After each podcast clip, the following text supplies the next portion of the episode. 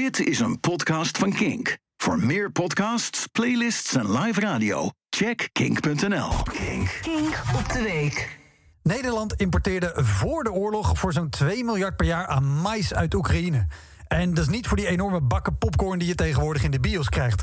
Maar echt serieus, wie gaat er naar de film en denkt... weet je waar ik zin in heb? Een kuub popcorn. Daarom duurt elke film tegenwoordig minimaal twee uur. Anders krijg je het gewoon niet op. Gelukkig kwam deze week deel 3 van Guardians of the Galaxy uit. En ik ben nog steeds bezig aan mijn popcorn van deel 1. Maar al die Oekraïnse mais werd gebruikt als veevoer.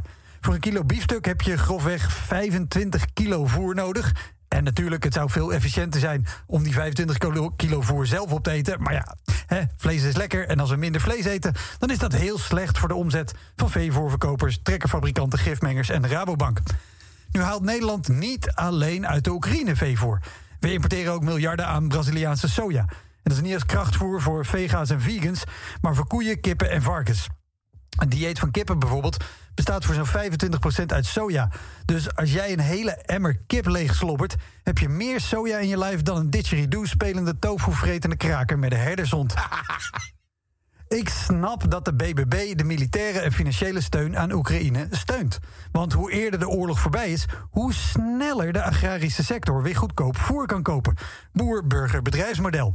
Denk je dat, de dat het de BBB om de inwoners van Oekraïne gaat...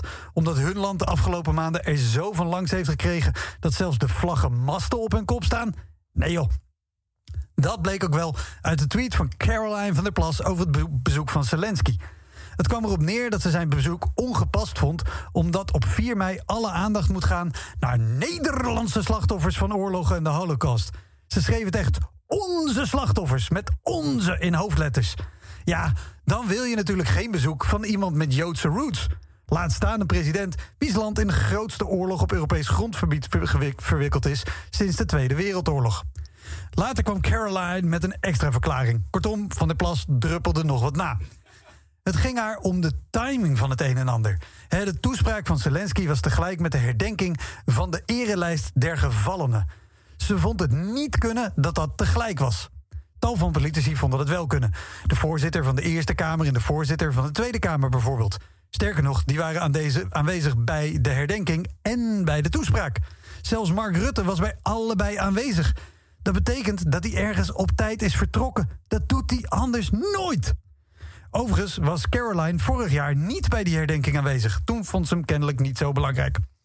Het herdenken van slachtoffers en het vieren van de vrijheid heeft een allesomvattend en overheersend doel voorkomen dat we onszelf ooit weer verliezen in de waanzinnige zinloosheid van een oorlog. Als dit nooit meer verandert in dit nooit meer in Nederland, dan heb je wel een heel simplistisch wereldbeeld. Waar ter wereld oorlog ook is, het raakt iedereen, altijd omdat je de familie of vrienden hebt wonen. Omdat we er mensen die ervan wegvluchten opvangen. Omdat we er soldaten heen sturen om te helpen. Of stomweg omdat zelfs het kleinste bakje popcorn in de bios er belachelijk duur van wordt. Vier vandaag je vrijheid en koester hem. Want het kan misgaan voor je het door hebt. Ai, ai, ai, ai, ja. oh. Bedankt voor het luisteren naar deze Kink-podcast. Voor meer, check de Kink-app of kink.nl.